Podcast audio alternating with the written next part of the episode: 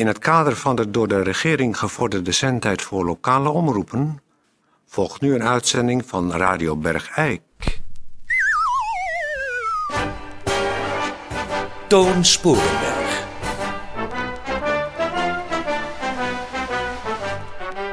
Uh, goeiedag, dames en heren. Uh, hartelijk welkom bij uh, Radio Bergijk. Het radiostation voor Bergijk. Peer en ik en Tetje zijn weer in de studio. U heeft de komende afgelopen maanden natuurlijk naar een aantal herhalingen geluisterd... omdat bepaalde hoge heren meenden dat wij een tijdje pas op de plaats moesten maken.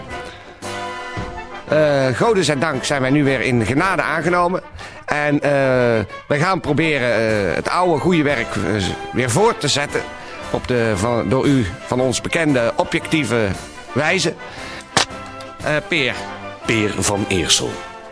goeiedag, dames en heren. Dit is Peer van Eersel. U hoort het misschien, ik heb een beetje een, een brok in de keel. Ik ik ben weer terug in de, de, ruimte waar ik mijn levenswerk ooit begonnen ben.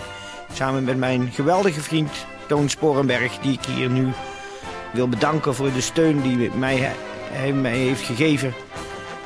Dat ik er nog ben en dat ik uh, bij hem op de bank mocht slapen. Ik heb het graag gedaan, Peer. En ik, nou ja, ik schoot, ik schoot gewoon vol toen ik hier binnenkwam. En ik zag nog de, de, de presentatiepapieren liggen. Zoals we die twee maanden geleden hadden achtergelaten. En het waren twee verschrikkelijk lege maanden. Ik heb veel gehuild. Ik heb pijn gehad. Verschrikkelijke pijn. Ik heb heel veel steun gehad aan mijn vriend Toon Sporenberg. En ik heb... Ik heb het graag gedaan, Peer. We hebben ons er samen doorheen geknokt. wat ik alleen verschrikkelijk vond, is dat de mensen... Bepaalde mensen in Bergijk, als ik langskwam van het huis van Toon naar Beeks of terug, kruipend... Dat ze, als ik dan langskwam kruipen, zich omdraaiden van je afkeerde. En dat zal ik niet vergeten. Ik weet wie het waren. En ze gaan de gevolgen daarvan ondervinden. En dan nu de reguliere uitzending. Radio Bergijk. Het radiostation voor Bergijk. We beginnen dus nu uh, voor het eerst weer met uh, geheel nieuwe en uh, actuele uitzendingen. Niks geen herhalingen meer, maar het echte werk. En we beginnen natuurlijk dan, zoals altijd, met het sportnieuws door Peer van Eersel. Sportnieuws. Sportnieuws. Het nieuws over sport.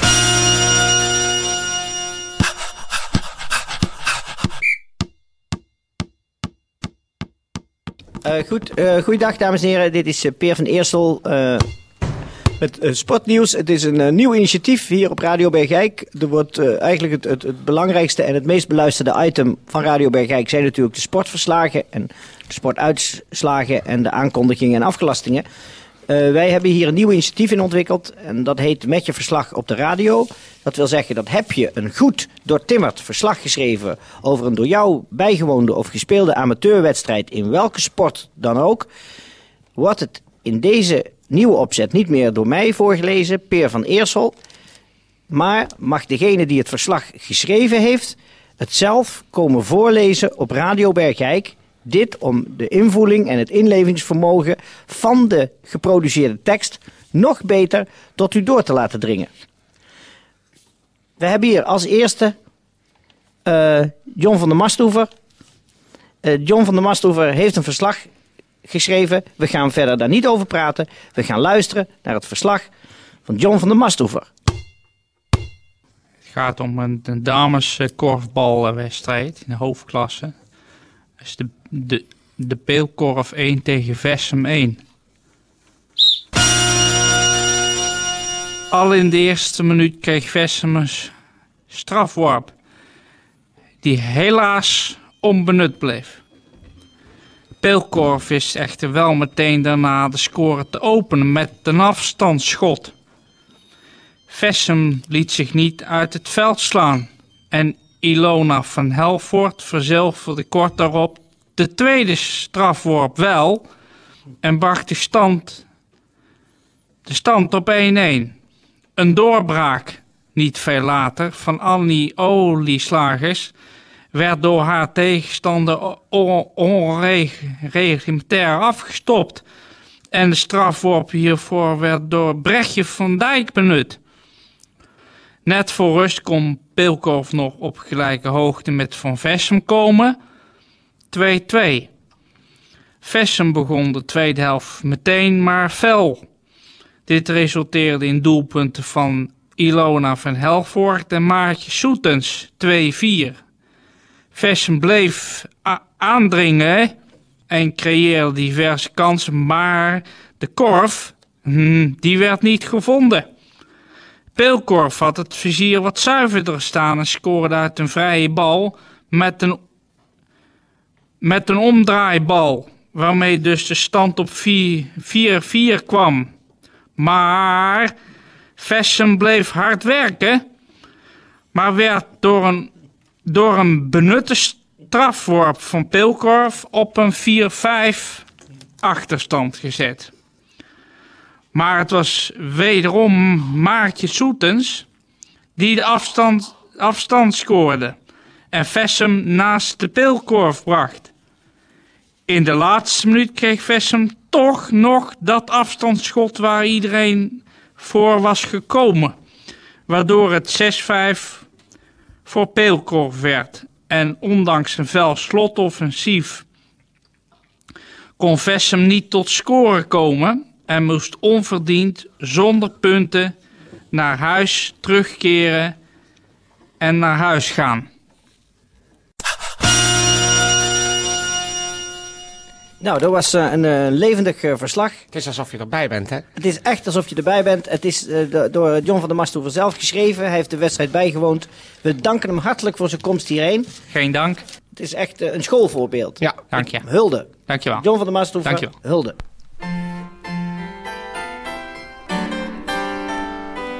Het snoertje met bloedrode kralen Dat mijn grootmoe al droeg in haar jeugd. Zou urenlang kunnen verhalen Over jaren van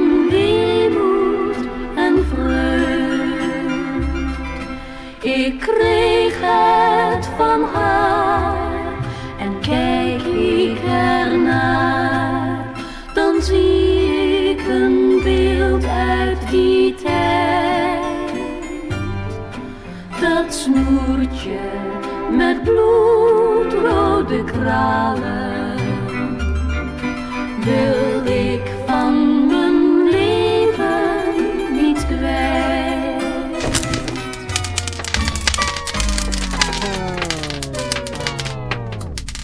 Dames en heren, bij mij in de studio is eh, aangeschoven Louis Lathouwers. Welkom, Louis. Goeiedag, eh Toon Sporenberg. Ja, eh, Louis, we hebben Het is jou... geweldig om hier te zijn. Ja, vind je het leuk? Ja, ik ben hier al natuurlijk een Ja, paar je- keer geweest. Maar Precies. iedere keer weer vind ik het geweldig om van dichtbij te zien hoe dit allemaal gemaakt wordt. Ja, nou, dat is, Wat er niet allemaal bij komt kijken. Dat is echt...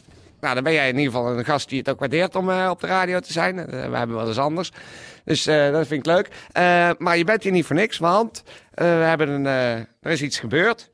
Onlangs heeft eh, de bloedbank eh Grootbergijk heeft alle eh, donors en vrijwilligers bedankt met een feestelijke bijeenkomst. Ja, en dat is eigenlijk. En de, ja, ik vind het wel leuk om voor de radio weer te zijn. Maar Ja. het is geen leuk verhaal wat ik heb. Nee, En dan wil ik toch, omdat het een, toch wel weer een, exempel is van hoe het mis kan gaan.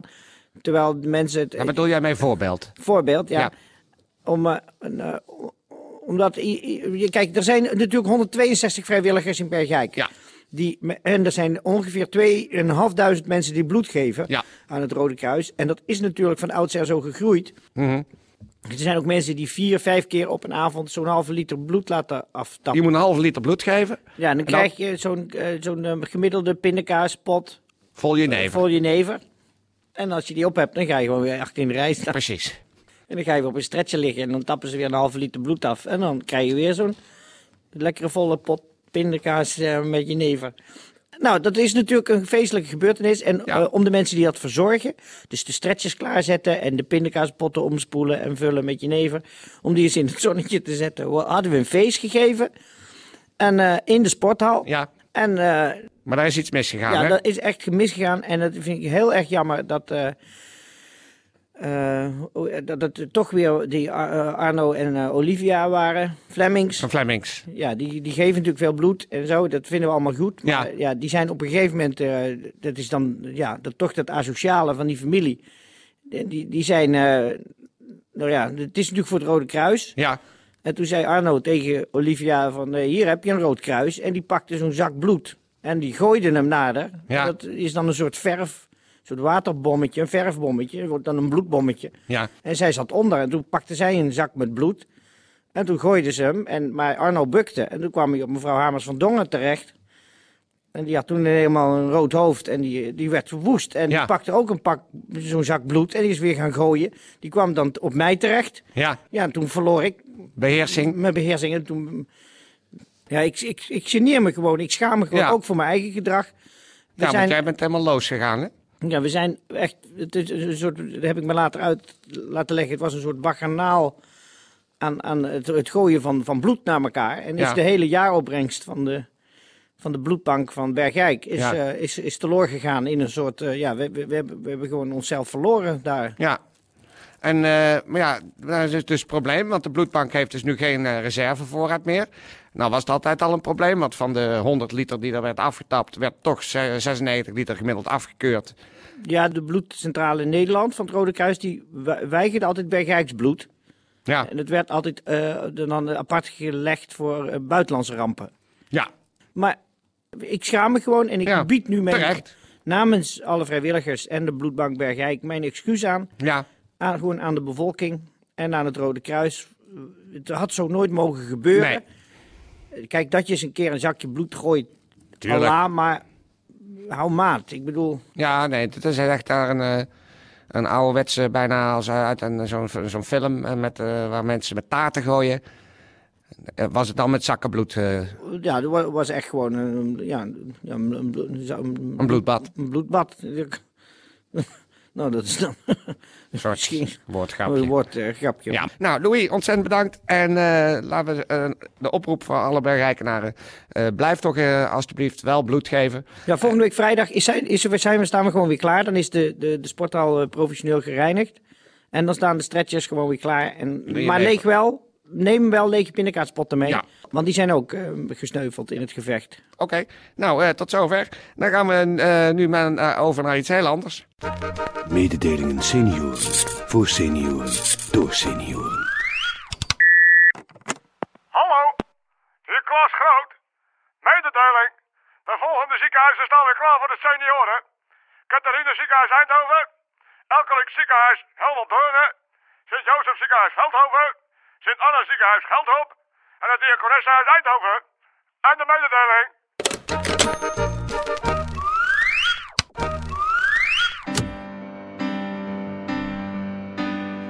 Radio Bergijk,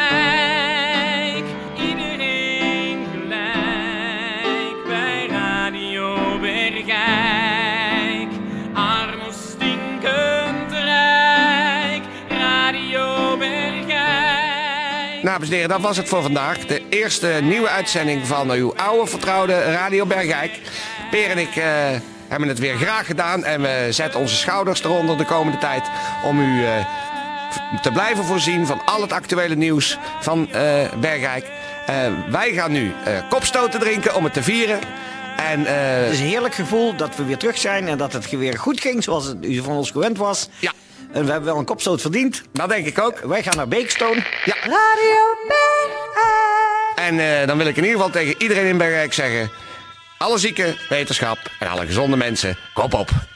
En morgen weer aan de radio gekluisterd. Ja. Voor Radio Bergijk, zoals u dat gewend was. Ja. In al zijn objectiviteit. Precies. Door Peer en mij persoonlijk gewaarborgd. Met certificaat.